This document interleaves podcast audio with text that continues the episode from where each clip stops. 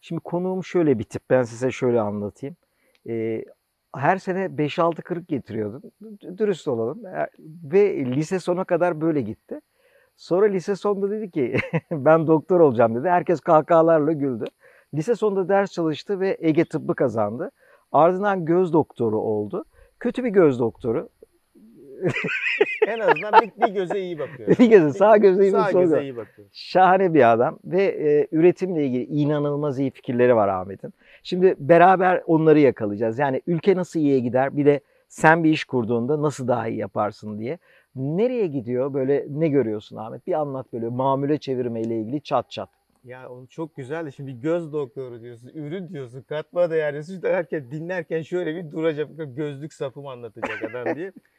Yok konu şu, e, nüfusumuz sadece hani son yıllarda değil, ben bildim bileli artıyor. Ve son yıllarda ayrıca e, sağdan soldan çok ciddi göç de almaya başladık. Dünya da çok e, ciddi sayıda maalesef üretim eksikliği yaşıyor ve insan sayısı artıyor. Benim üzüntüm şu, yarın öbür gün insanların sadece bu dünyanın kaynakları kötü kullanıldığı için, Türkiye'nin kaynakları yeterli şekilde değerlendirilmediği için zorluk yaşayacağı olması. Şu son korona salgında şunu çok iyi fark ettik ki, bizim aslında ilk ihtiyacımız olan şey hayatta kalabilmek ve bunun önceliklerinden biri tarım ve hayvancılığımız. Umarım bundan sonrasına çok daha mantıklı yaklaşırız. Çünkü çok inanılmaz kaynaklarımız var. Markalaşmak ve katma değer yaratmak bizim için şöylesine çok önemli Şerif. E, dünya fındığının %70'ini 80'ini biz üretiyoruz. Dünya fındığının fiyatını biz belirlemiyoruz. Dünyada Nutella diye bir marka var. 180 ülkede Nutella satılıyor. 180 ülkedeki Nutella'nın içinde Türk fındığı var. Michele Ferrero öldüğünde 24 milyar avroluk servetiyle Avrupa Birliği'nin en zengin insanı olarak öldü. Annesi babası 2. Dünya Savaşı'ndan sonra küçücük bir pastane yaparak başlamışlardı. Bildiğin fındık kreması üretiyorlardı. Ne zaman ki o bir Nutella oldu, ne zaman ki ona katma değer oldu, ne zaman marka oldu, ne zaman bilindi ve şu anda günde 2 milyon kilo her evde Nutella tüketiliyor. Bizim fındıkla dünyanın en zengin adamı. Bizim bizim fındığımızda dünyanın en zengin adamı. Bizde Biz- de bir Sarella vardı. Bizde Sarella vardı. Kahraman Sagra ve oğlu Ünal Sagra Türkiye için müthiş şanstılar aslında. Kahraman Bey aslında ordunun sanayicilerinden. Ama diyor benim bu şehre daha fazla bir şey vermem gerekiyor. Bununla yetinmiyor. Bizim fındığımız var ve bundan ne yapabilirim diyor. Hiç üşenmiyor ve Almanya'ya gidiyor. İmkanları da var. Araştırıyor ve orada e, fındıktan yapılabilecek pek çok şey görüyor. Daha sonra markalar üzerine e, araştırma yapıyor. Dönüyor ve Sarella firmasını kuruyor. Sarella firması e, kurulduktan sonra bir Alman e, reklamcı ile oturuyor konuşuyor. Diyor ki benim de bir markam var. Yani Sagra'yı kuruyor galiba. Sagra- Sarella de markanın adamı. markanın. Ferrero Nutella, gibi. Nutella gibi. Güzel. Peki diyor biz bunu nasıl şey yaparız? O da soruyor Alman e, reklamcı. Sizin insanız diyor en çok neye saygı duyar ve onun en çok ilgisini ne çeker? Kahraman Bey oturuyor, düşünüyor, taşınıyor Şerif. Ya diyor bizim insanımızın bayrak sevgisi çok ön plandadır. Tamam diyor adam. Kırmızı beyaz olacak. Logonun renkleri oradan çıkıyor. Ondan sonra makineler getirmeye çalışıyor Almanya'dan. Biz de burada üreteceğiz onu. Gümrük Bakanlığı'ndan öyle zorluklar çıkarılıyor ki o makineleri buraya ithal edemiyor. Peki diyor adam vazgeçmiyor Kahraman Bey. Ee, ordunun sanata, tekniğe, el yatkın ustalarından bir iki tanesini alıyor. Fuara götürüyor. Adam orada kara kucak makinaları gözlüyor. Ufak tefek çizimler yapıyor. Geliyorlar. Bu makinaları benzerini orduda üretiyorlar.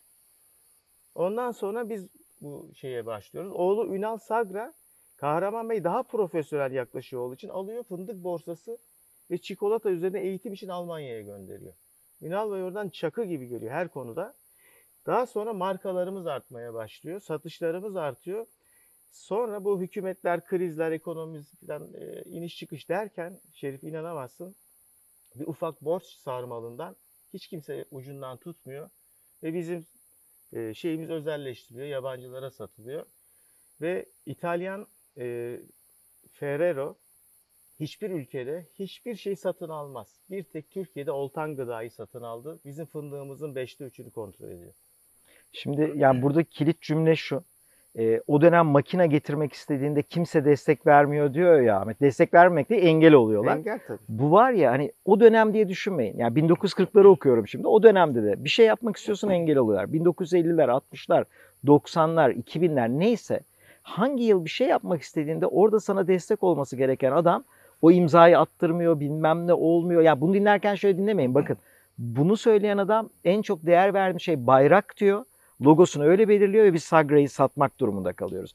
Aynı işi yapan iki tane adam, biri Ferrero, biri Sagra, biri batıp gidiyor. Sistemi cidden şöyle bir sallamamız lazım. Bu ülkeni sevmemek değil, aslında ülkeni sevmek. Çünkü bir araya gelmek çok değerli. Gül'le ilgili, Isparta ile ilgili anlatsana. iyi Geçen yapılanlar ve eksikler. Geçen konuşmuştuk. Şöyle bizim Allah vergisi bir avantajımız var.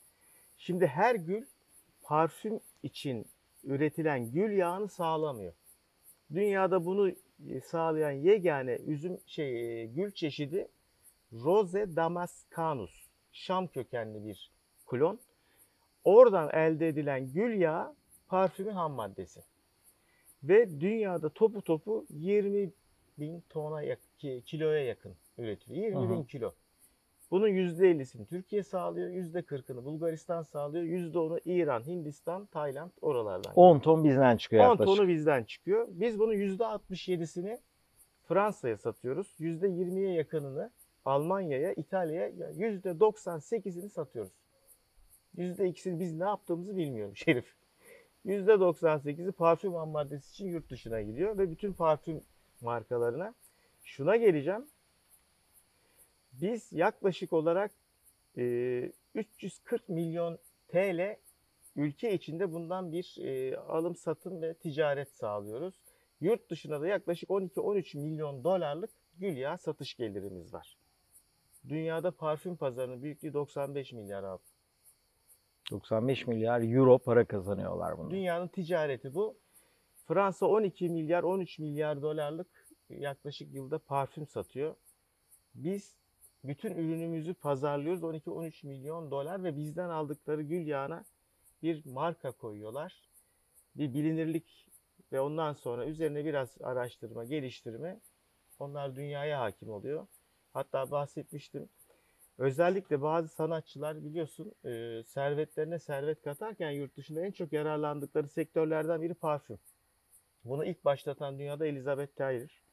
1991'de ilk ünlü ismiyle çıkan parfümdür.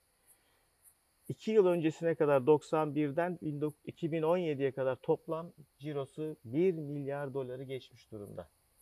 Yıllık yaklaşık 90 milyon dolarlık cirosu var. Jennifer Lopez'in 70 milyon, Justin Bieber'ın da 40 milyon dolar civarında parfüm satışı var. Bakın bunlar kişi satışları. David Beckham, Antonio Banderas bunların hepsinin isme yönelik parfümleri var. Ve biz bunların hiçbir yerinde değiliz. Bizim de dünyaya mal olacak sanatçılarımız var. Ki ben onların da parlatılıp insanlığa bir marka yüzü olarak çıkarılabileceğine yürekten inanıyorum. Ama biz e, bir fıkra vardır ya bir tek hani cehennemde Türklerin olduğu kazanın başında zebani yok. Biri çıkmaya çalışsa diğeri alttan çekiyor. Biz bunları nasıl yok ederiz diye uğraşırken onlar bir futbolcudan bir parfüm yüzü, bir e, Antonio Banderas'tan parfüm yüzü yapıyor. Çok ilginç bir şey daha söyleyeyim. Ben araya bir şey gireceğim. Fıkra anlattın hiç kimse gülmedi. O dikkat çekici bir şey benim açımdan. Alt yazıyla Çok bir- acı. Alt yazıyla şeyi koydurabilir? Gülme Çok acı. Bak fıkra anlatıyorsun ve gülen yok. Yani ben üzgünüm hani şu anda ve onu söyleyeyim. Sen Justin Bieber kullanıyorsun parfüm olarak. Yok ben bir şey kullanmıyorum. Servet Bucurgat vardır bizim Düzce kolonyası. Şöyle yüzünden zaten ne kadar üzgün olduğu anlaşılıyor Evet. şu anda. Başka fıkra anlatmayalım şey boyunca. Onun dışında teknik verilere devam. Onları yazıyla mı dağıtıyorsunuz? Şöyle konser olduğu günlerde %70'e yakın ciro satışlarında artış, e, parfüm satışlarında ciro artışı var. Ee, İbrahim Tatlıses de programında çiğ köfte yoğurduğunda bizim bütün çiğ köfteciler 4 kat ya pazarlama böyle bir şey. 4 kat çiğ köfte satıyorlar. Böyle bir şey var biliyor muydunuz? Evet evet. Yani İbrahim Tatlıses'in programında onu yoğurduğu akşamlarda kesinlikle cirolarında artış olduğunu söylüyor. Acı olan benim söylediklerimi bu gerçekten var diye size tekrar anladım. Ben zaten söyledim ama niye millete? İnanmıyor. Bunun dedi- inanılmığı yok. O da da şey şöyle yani. Sen çizim. komik değilsin ben inanılır değilim. Evet. Buradan da Düşünebiliyor musun milletin halini? çıkan temel sonuç. Evet. Peki şeyi söyleyeceğim Ahmet. Yani bütün konu aslında şunu gördük diye düşünüyorum. Gülü ürettin. e, Tamam kesinlikle üretelim. Ama şişeye koyamadığın andan itibaren kaybediyorsun. Fındığı ürettin. Dünyanın %90'ını üretiyoruz. Şişeye koyamadığın anda yani onu mamule çeviremediğin anda kaybediyorsun. Aslında üzüm de böyle bir şey. Bir gün dalışa gidiyoruz Ayvalık civarında. Orada adalar var böyle neredeyse metruk adalar. Adalarda böyle teraslar var ve bomboş. Melih'le gidiyoruz dalışa. Melih dedi ki ya Şerif dedi bu ne biliyor musun? Bilmiyorum dedim. Abi dedi bu dağ başındaki dedi adalarda dedi e, Rumlar dedi o dönemde üzüm yetiştiriyorlardı.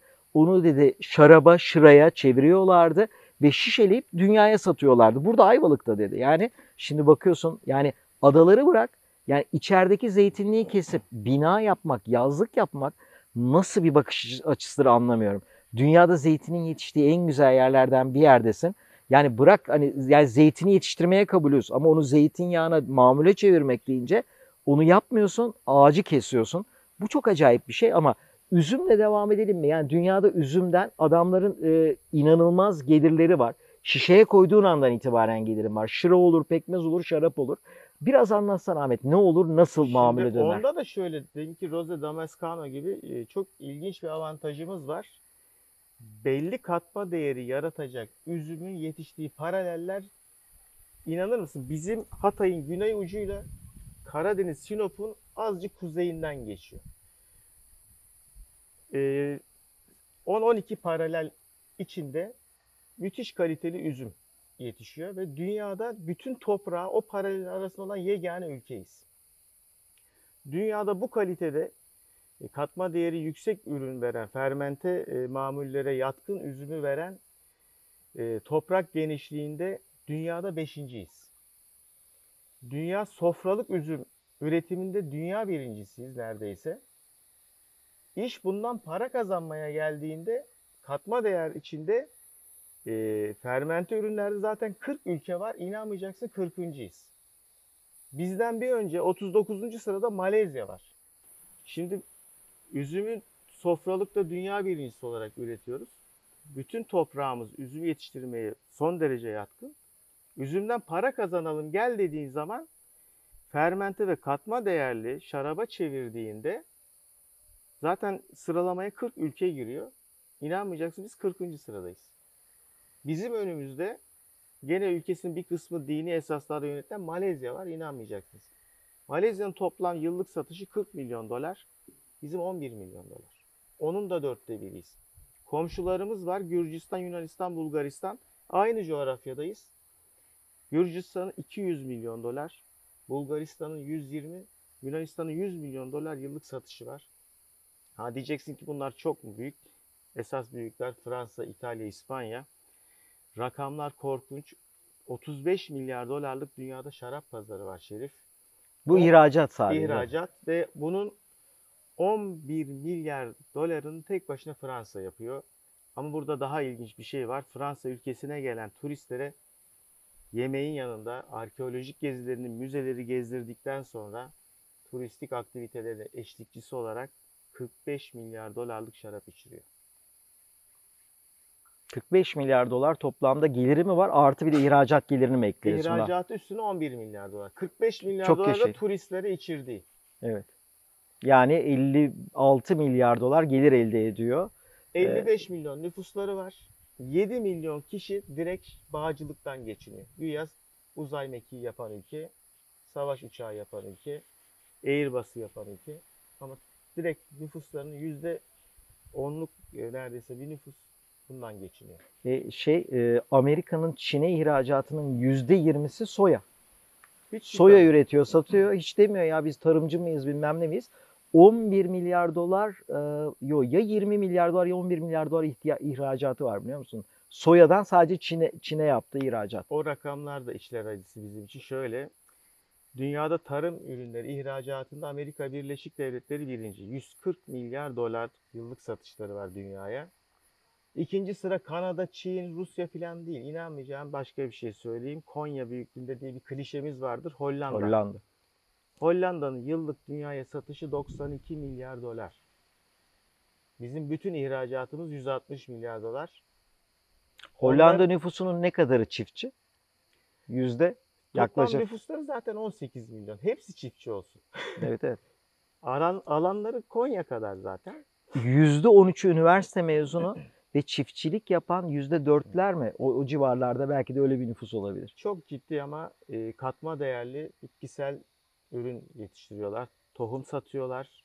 Özellikle kalite çiçekler yetiştiriyorlar. E, gelişmiş bitkisel mamül, katma değerli mamülde dünyada açık ara Hollanda var. E şimdi bu insanlar yani ben nasılsa makine yapıyorum, ben nasılsa kimya ürünü üretiyorum diye toprağa, hayvana, arıya, e, gökyüzüne sırtını dönmüyor ki. Esas sonsuz kaynak bu zaten. Bunun için bak ham madde de yok. Tamamen toprağından istifade ediyor, suyundan istifade ediyor ve emeğinden. Ve bu sonsuz bir kaynak. Ve bizim insanımız sırf bunu yapamadığı için burada dünyanın en güzel tarım alanlarından çiftçimiz ayrılıyor. Asgari ücretle batıda çalışırım hayaliyle gider orada musluk tamircisi olurum diyor. Ne bileyim elektriğini tamir ederim orada yaşarım diyor. Halbuki onların benzer işçisi gelip bir aylık maaşıyla senin ülkende isterse iki ay tatil yapıp gidebiliyor. İşte marka dediğin, katma değer dediğin, ür- ürettiğin ürün üzerine bir zenginlik katmak dediğim bu. Türkiye'nin şu an mesela e, yani bu dinlerken hocam şarap mı yapacağız onu anlatmıyorum. Şişeye sokmak diyorum. Yani sen istersen pekmez üretirsin, şıra üretirsin ama herhangi bir ürünü mamule çevirmek. Türkiye'nin şu an e, ne kadar mesela şarap ihracatı bu rakamları konuştuk. 11 milyon dolar. 11 milyon dolar şu an bizim Yunanistan'ın 100 milyon dolar işte e, Bulgaristan 120, e, İspanya'nın 200. 7 milyar dolar, İtalya'nın 7 milyar dolar. İspanya'da 4 civarında. Şili ya bildiğin Şili, Güney Amerika ülkesi. Ülkesinin her yeri şaraba uygun değil. Bir tane yer, e, yerel üzüm keşfettiler. Carmenere dediler. Hakikaten o bölgede iyi sonuç verdi. Onu mamule çevirdiler, marka yaptılar ve dünyaya satmaya başladılar ama iş bununla yetinmeyip hani görev takibi yaptılar. Onu nasıl yaptılar Şerif? Şöyle Şili büyükelçilerinin e, bu işi anlatabilecekleri her ülkede ilk görevlerinden biri Carmenere üzümünden yapılmış ürünleri, markalaşmış, katma değersiz ürünleri e, yemeklerinde, davetlerinde, resepsiyonlarında kullanmaktır. Birinci görevleridir. Ve bundan bir yıl kadar önceki rakamları neredeyse 2 milyar dolara yaklaştı. Ee, şey şimdi şu an e, işte 11 milyon dolar diyelim ki ihracatımız var. Üretim litre olarak Osmanlı'ya döndüğümüzde Osmanlı'da hani Oo. Müslümanız günah deyip tamamen durdurduk mu? Yoksa mesela 2. Abdülhamit o dönem nasıl ihracat rakamlar? Şu şöyle söyleyeyim. e, o zamanlarda iki tane şey bir araya geliyor Şerif. Orada da adil olmak lazım. Birincisi tebaanın e, Rum nüfusu çok büyük bir avantaj. Hı hı. Zaten onlara herhangi bir şey üretimde karışmamışlar. Onların en iyi yaptığı işin tarımda özellikle önünü açmışlar. Abdülhamit o konuda hakikaten de çok vizyoner bir insan. Ve e, çok ciddi bir fırsat çıktığında da bunu kaçırmamış. Asma biti salgını bütün dünyayı kasıp kavururken Avrupa'da omcaların %90'ı yok oluyor Şerif. Hakikaten e, dediğim gibi o vizyoner bir yapı o konuda. Diyor ki getirin e, kurtardığınız asmaları Anadolu'ya ekelim.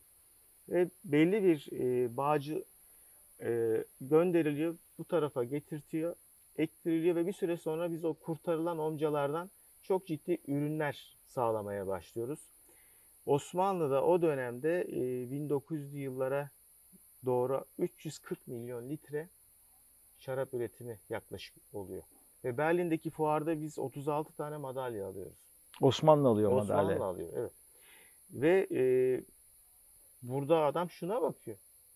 Benim tebaamın bir kısmı e, bunu üretiyor ve bunu mümkünse iyi üretsin. Biz Ülkeme oraya- gelir gelsin. Tabii biz bunu gerekli satalım ve daha sonra ne yapıyor? Basma biti salgını Avrupa'yı kasıp kavururken burada e, Ermeni bağcı e, zanaatkarlara bayağı bir şey yapıyorlar. E, destek e, yapıyor Osmanlı hükümeti. E, Bu salgınla mücadele için bir takım ilaçlar, kimyevi maddeler, doğal kaynaklardan oluşturulan bir takım mücadele yöntemleriyle hem korunuyor hem çoğaltılıyor. Salgın bittiğinde o amcaların gene bir kısmı Avrupa'ya götürülerek birçoğunun aslında atası gene Anadolu asmaları oluyor. Çok büyük bir şans. Ama o şans nedir? Sen fark ettiğinde o bir fır- e, fırsatın şans olma şan, şeyi vardır, esası vardır. Arkanı döndüğünde o zaten gelir geçer. Onu yakalamışlar. Bugüne gelince biz 340 milyonu bırak 50 milyon litreye belki yeni yeni ulaşıyoruz. Nereden nereye?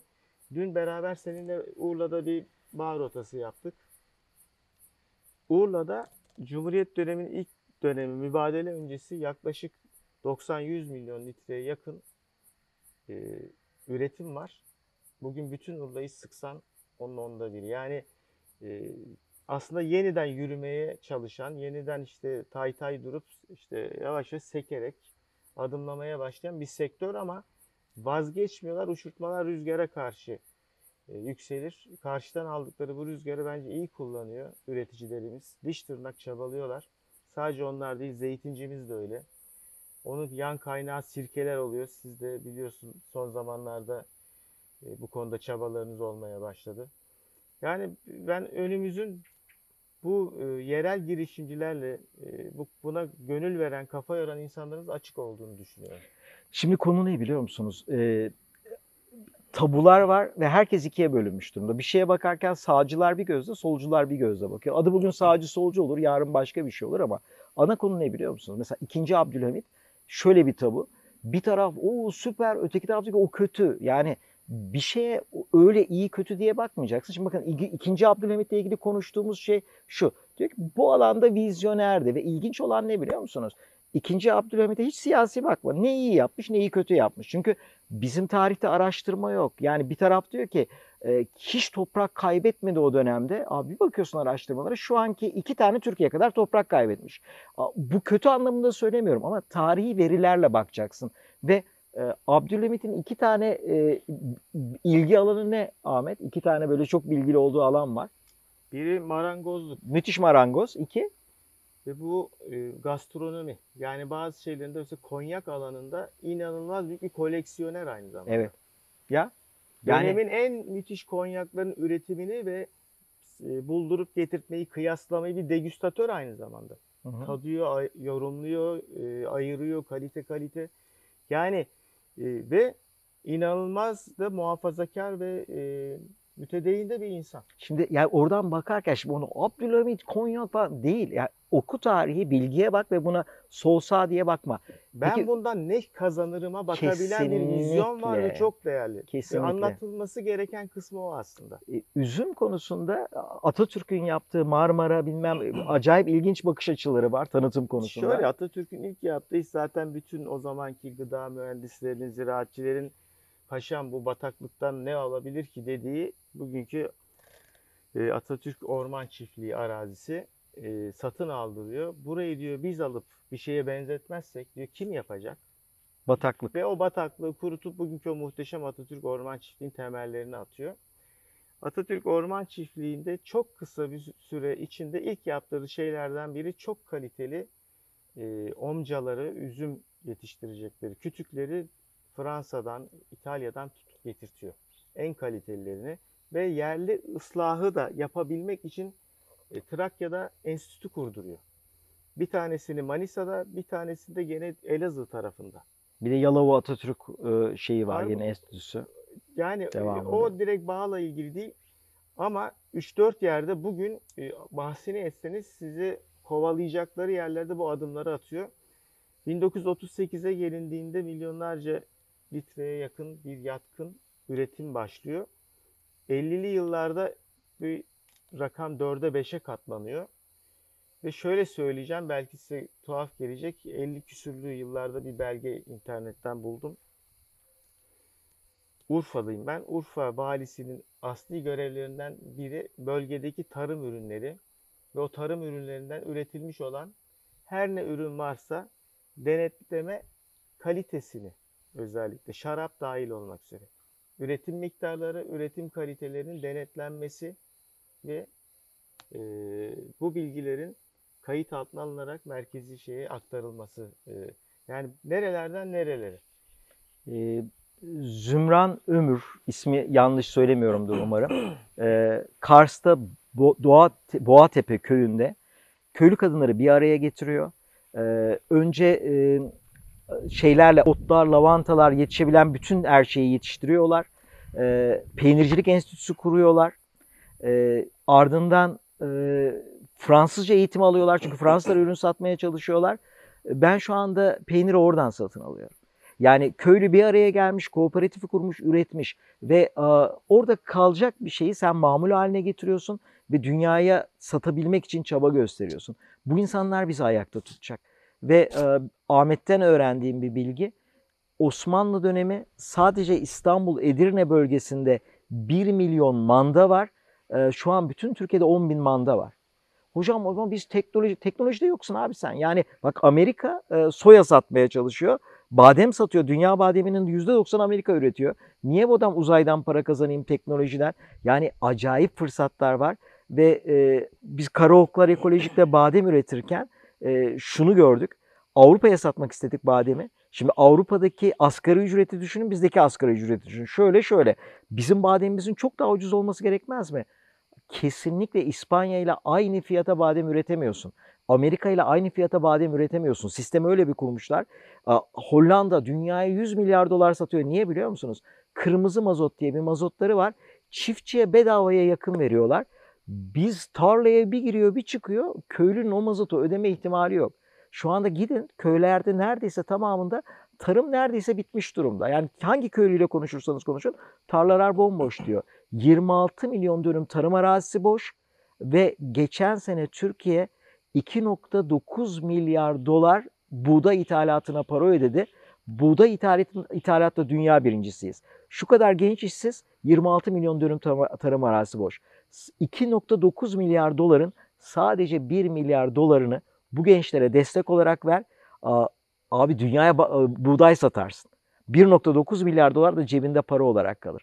Bu anlattıklarım hiçbiri siyasi değil. Ben iş adamıyım. Herhangi bir şey iş olarak bakarım. Yani bunlar sol sağ işi değil. Üretime odaklanmamız lazım.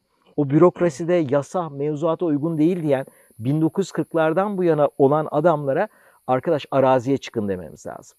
Gidin tarım müdürlüklerine 38 tane adam belge dolduruyor orada. Bütün tarım müdürlüklerini kapatacaksın diyeceksin ki insanlara alanda olacaksınız, köylerde olacaksınız. Bakın geçen sene soğan bulamadık. Bu sene bütün ülke soğanı tarlada gömüyorlar biliyor musunuz? Çünkü soğan para etti diye bütün ülke soğan ekti. Ee, yurt dışında böyle bir ihtimalin yok. Devlet sana diyor ki bu sene ihtiyacımız bu. Sen bu bölgede toprak buna uygun. Sadece bunu dikebilirsin diyor. Her sene orada soğanın fiyatı aynı. Bizde soğan patates bir sene acayip para eder. Ertesi sene toprağa gömülür. Çünkü hiçbir planlama yok. Bütün konu planlamayı yapacak adamların üretimin her şeyine yasa mevzuata uygun değil demeleri. Böyle bir teknoloji varken teknolojiyi tarımda planlamaya uygun e, kullanman önemli. Bunların siyasetle falan alakası yok. Bunlar hep liyakatla ilgili şeyler. İşi bilen insanlara işi bırakmak, sonra yukarıda onları alkışlamak sanki öyle gibi geliyor.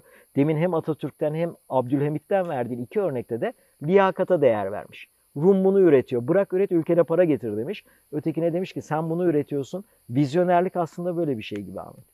Şöyle hani liyakat ve siyasetin işin siyaset kısmı da şu. Ona bir değineyim. Hı hı. Avrupa Birliği Biraz dikkatli değinirsek çok memnun olurum onunla ilgili. onun çok zor bir Şöyle söyleyeyim. e, Avrupa Birliği'nin son 5 yıl içinde tarım ürünlerine ve tarım üreticilerine verdiği destek 900 küsur milyar avro. 5 yıl içinde. Bir daha söylesene rakamı. 900 milyar avro.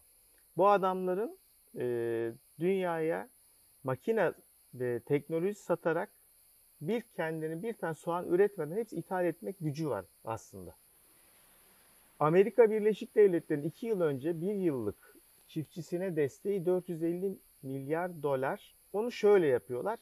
Ürün sigortası dolaylı desteklerle yapıyorlar daha çok. Kesinlikle. Ve adam bir şey üretirken batarım, e, işte yanar, do- dolu düşer, e, işte sel götürür falan korkusu olmadan bunu yapıyor. Buradan neyi e, aslında güttüklerini düşününce çok da zor değil. İnsanı e, taşrada da, kasabada da, köyde de olsa mutlu ve yaptığı işten kazançlı olduğu takdirde bavulunu alan şehre koşmuyor. Şehre koşmak iyi de şunu yaratıyor. Biz her yıl İstanbul'a orta ölçekli bir Anadolu kenti büyüklüğünde altyapı yapmaya çalışıyoruz. Buna güç yetmez. İsviçre'nin bütçesini koy, inan yetiştiremez. Her şeyi İstanbul'a topluyorsun. bir ülkede. İstanbul, İzmir, e, işte Ankara baktığın zaman niye? E, e, onun taşrasındaki insan soğan, sarımsak, patates ürettiği için geçinemiyor ki. Halbuki geçindirecek sübvansiyonu yapsan oradan ayrılmaz. Sana şehirde bir altyapı olarak yük olmaz. Daha az kirli kentler, daha çağdaş, daha altyapısı sağlıklı e, yaşam alanları oluştururuz. İşte bunun da yolu gene tarım ve hayvancılıktan, e, e, doğa korumasından, e, siyaset işte burada işin içine giriyor. Ee, sen bir yatırım yaptın. Bizim Karaoklar ekolojiğini oraya. Tarım yatırımı yaptın. Ağaç diktin. Tabii. Niye yaptın Ahmet? Ne, ne geçiyor aklından? Valla iki amacım vardı benim. Birincisi bu ülke bizim. Biz dikeceğiz, biz sahip çıkacağız ve e, buradan bir yere gitmiyoruz. Burası bizim 17. köyümüz. Türkler biliyorsun hep 16 devlet kurmakla övünürler. İşte bayrakları yan yana koyulur filan. E 16 devleti niye kurdun? E sahip çıkamadın. 15'i patır patır yıkıldığı için kurulan devletler onlar. E şimdi burası geldiğimiz son nokta. Artık buradan gideceğimiz başka bir yer yok. Gelip dayandık. Yani bir kısrak başı gibi Orta Asya'dan geldik ve Anadolu'ya. Ne mutlu ki bunu bize sağladılar Kurtuluş Savaşı'yla ve artık burası bizim yurdumuz. Yani televizyonumuz üzerine dantel üretip kapımızın önüne çöp dökmekten vazgeçmemiz gerekiyor. O yüzden ben e, senin o girişimciliğin ucundan tutmaktan çok büyük mutluluk duymuşum. Bu büyük bir fırsattı. Yani hem şahsım adına hem de belki bunu duyup katılmak isteyenlere teşekkür ederim. İkincisi de biz seninle beraber büyümek için babalarımızın mesleğinden ve arkadaşlıklarından gelen bir avantaja sahiptik. Yani biz seninle 5-6 yaşından beri bir aradaysak onlar nereye tayin olsa beraber gidiyorlardı. Biz de bir tür ta- tası Bu tarağı bizim dedik ki, acımızdır, ailecek. Nereye gitsek bunlar devamlı bizim Evet. o aileye yapıştılar. Hüzünlendim bence bunu söyle. Evet. Ama işte annemin söyledikleri söylemek istemiyorum. Onları da biraz daha söyleyeceksin. işte anlatırız. Ha, tamam. Sonra e, düşününce senin şöyle bir cümlen olmuştu. Şahsımı. Evet. İnkar edemiyorum. Ee, Yalnız gülme efektlerini duyuyor musun? Bak sen fıkra anlatıyorsun gülen yok. Ben bir espri yapıyorum yıkılıyor şu an kamera arkası. Abi zaten rüzgar da yıkıyor. Birkaç defadır toplayana kadar canları çıktı ekibin. Ee, bizim beraber büyümemize vesile oldu bir şeyler dedin. Çocuklarımızın da bir arada yaşayabilmelerine, büyümelerine bir ortak projedir. Gel sen de bunun bir ucundan katıl dediğinde bana en mantıklı ve insani gelen tarafı buydu. Yani burada sen iş adamlığından da çıkıp işin o e, duygu, düşünce, hani duygusal ve normal zekayı bir potada eriten bir hakikaten çok keyifli. Ayağımda örümcek var ve çığlık atmıyor olmam şu an süper bir şey. Tamam. O attı ama. Ne O yaptın attı. hayvana ya? Vurdu ne ve- yaptın öyle ya? At dedi. Beni biraz da o yüreklendirmişti. O iki amaçtır ve iyi ki de oradayım. Ee, şimdi baktım ağaçlar yani senin boyu geçmiş bana yaklaşıyor. Neredeyse. Ee, bu boy konusunu şeyde Anıl Efkan keserseniz ben çok sevinirim. Yani o boyla ilgili benim çok tadım kaçtı. Ve şöyle bir şey yaptık aslında. Çiftlik Karaoklar Ekolojik orada yürüyor, eğitimler veriyor. Ama etrafta birçok ben gideyim çiftliğimi kurayım, orada bir adım atayım diyen insanlara arazi alındı. Karaokların o kampüsleri, Nacar kampüsü, diğer kampüsler, mimarlar, mühendisler şimdi çiftlikleri kuruldu. Bizim bütün bakımlarını yapıyor. Ahmet de o adımı attı. Ee, küçücük bir şey söyleyeceğim aslında bitirirken. Ee, senin söyleyeceğin bir şey var mı? Söylerken aklıma gelirse ekle. İnşallah gelmez ama ben bu ara şey yapayım. Şey, e, demin dinlerken şöyle dinleyen varsa, hocam ya demin bir şarap dedi adam, biz gü- günah münah. E, 2017 yılında Türkiye Cumhuriyeti Devleti'nin e, bütün şirketlerden toplam aldığı kurumlar vergisi 52 milyar lira. İçki ve sigaradan aldığımız vergi 47 milyar lira. Ve bu 11 milyon litreden bahsediyorum. E, A- Abdülhamit döneminde 300 bilmem kaç milyon litre üretiyorsun. Yani 300 bilmem kaç milyon litre üretiyor olsan sadece oradan aldığın vergi Türkiye'deki tüm şirketlerden aldığının 8 katı falan daha fazlası olacak. Üretmek lazım. Ne üreteceğinize pestil mi üretiyorsun, ne üretiyorsun onun kararını ver. Ama televizyon karşısında Abdülhamit dizisi seyrederek olmaz. Gerçekten tarihten okursun Abdülhamit'i, Mustafa Kemal'i. Ben bu ülkeye ne katacağım diye emek koyarsın arkadaş. Emeksiz yemek olmaz derler Anadolu'da. Türkiye kahvede ülkesini seviyor. Kıraathanede oturup sosyal medyada kıraathanede vatan sevilmez. Vatan tarlada sevilir, vatan okulda sevilir, vatan vatan fabrikada sevilir. Üretmezsek başkaları bizim için üretirler. Amerikalılar diyor ki why does the dog wag at his tail? Because the tail cannot wag the dog. Köpek niye kuyruğunu sallar? Kuyruk köpeği sallayamadığı için diyorlar. Biz kitap kapaklarını açacağız. Biz tarlalardan içeri gireceğiz. Biz okullardan içeri gireceğiz. Üreterek iyi ülke oluruz. Tek bildiğim şey o. Ahmet bunun iyi örneklerinden biridir. Güzel bir program oldu gibi geliyor bana. Son bir şey ekleyeyim. Madem böyle yap. Lan ben süper bitirdiydim ama şu an dumanı veriyorlardı. Sen oradan çok Hocam e, şişman kadın söylemeden opera bitmezmiş derler. Şimdi bırak da öyle güzel bir yer aklıma geldi ki. söyle. Şöyle yapayım. Biz bir matbaa üzerinde oturuyoruz. Bütün insanlar, Türk Türk vatandaşların hepsi matbaanın üzerinde oturuyor. Emin olun gelişmiş, belli e, kaliteli gelişmiş, katma değerli sektörlerden para kazanan ülkelerin en büyük korkusu ne biliyor musunuz? Bizim kıçımızı kaldırıp altta bak oturduğumuz matbaa makinalarını görmemizden endişe ediyorlar. Yerimizden kalkıp altımıza bakmamızdan ötleri kopuyor. Türkiye'nin her tarafı sanat eseri. Her tarafı öğren yeri her tarafı sonsuz kaynak. Sadece turizm, tarım, gastronomi, hizmetler sektöründen ve ürettiğimiz yerel ürünlerden emin olun bütün bölgemiz geçinir. Sadece Türkiye değil. Umarım fırsat bu olur. Umarım onların dediği değil, Türk insanının dediği olur. Bir gün ayağa kalkar ve neyin üzerinde oturduğumuzu görürüz. Bunun kıymetini bilmekte yarar var. Kıçımız kelimesi için ben özür diliyorum hepinizden. Altını çizdiğin iyi oldu. Arada kaynamış bir şeydi. Evet. Yani bu koca programlar hiç değilse akılda bir şey kalsın. Evet, yani zaten başlığı da hani kıçımız ve biz şeklinde bir şeyle koyarsak YouTube'da göz doktoru dedim. Olayı nasıl bitirdin ya? Ye- Yeminle diyecek hiçbir şey. Görüşürüz. Hoşçakalın.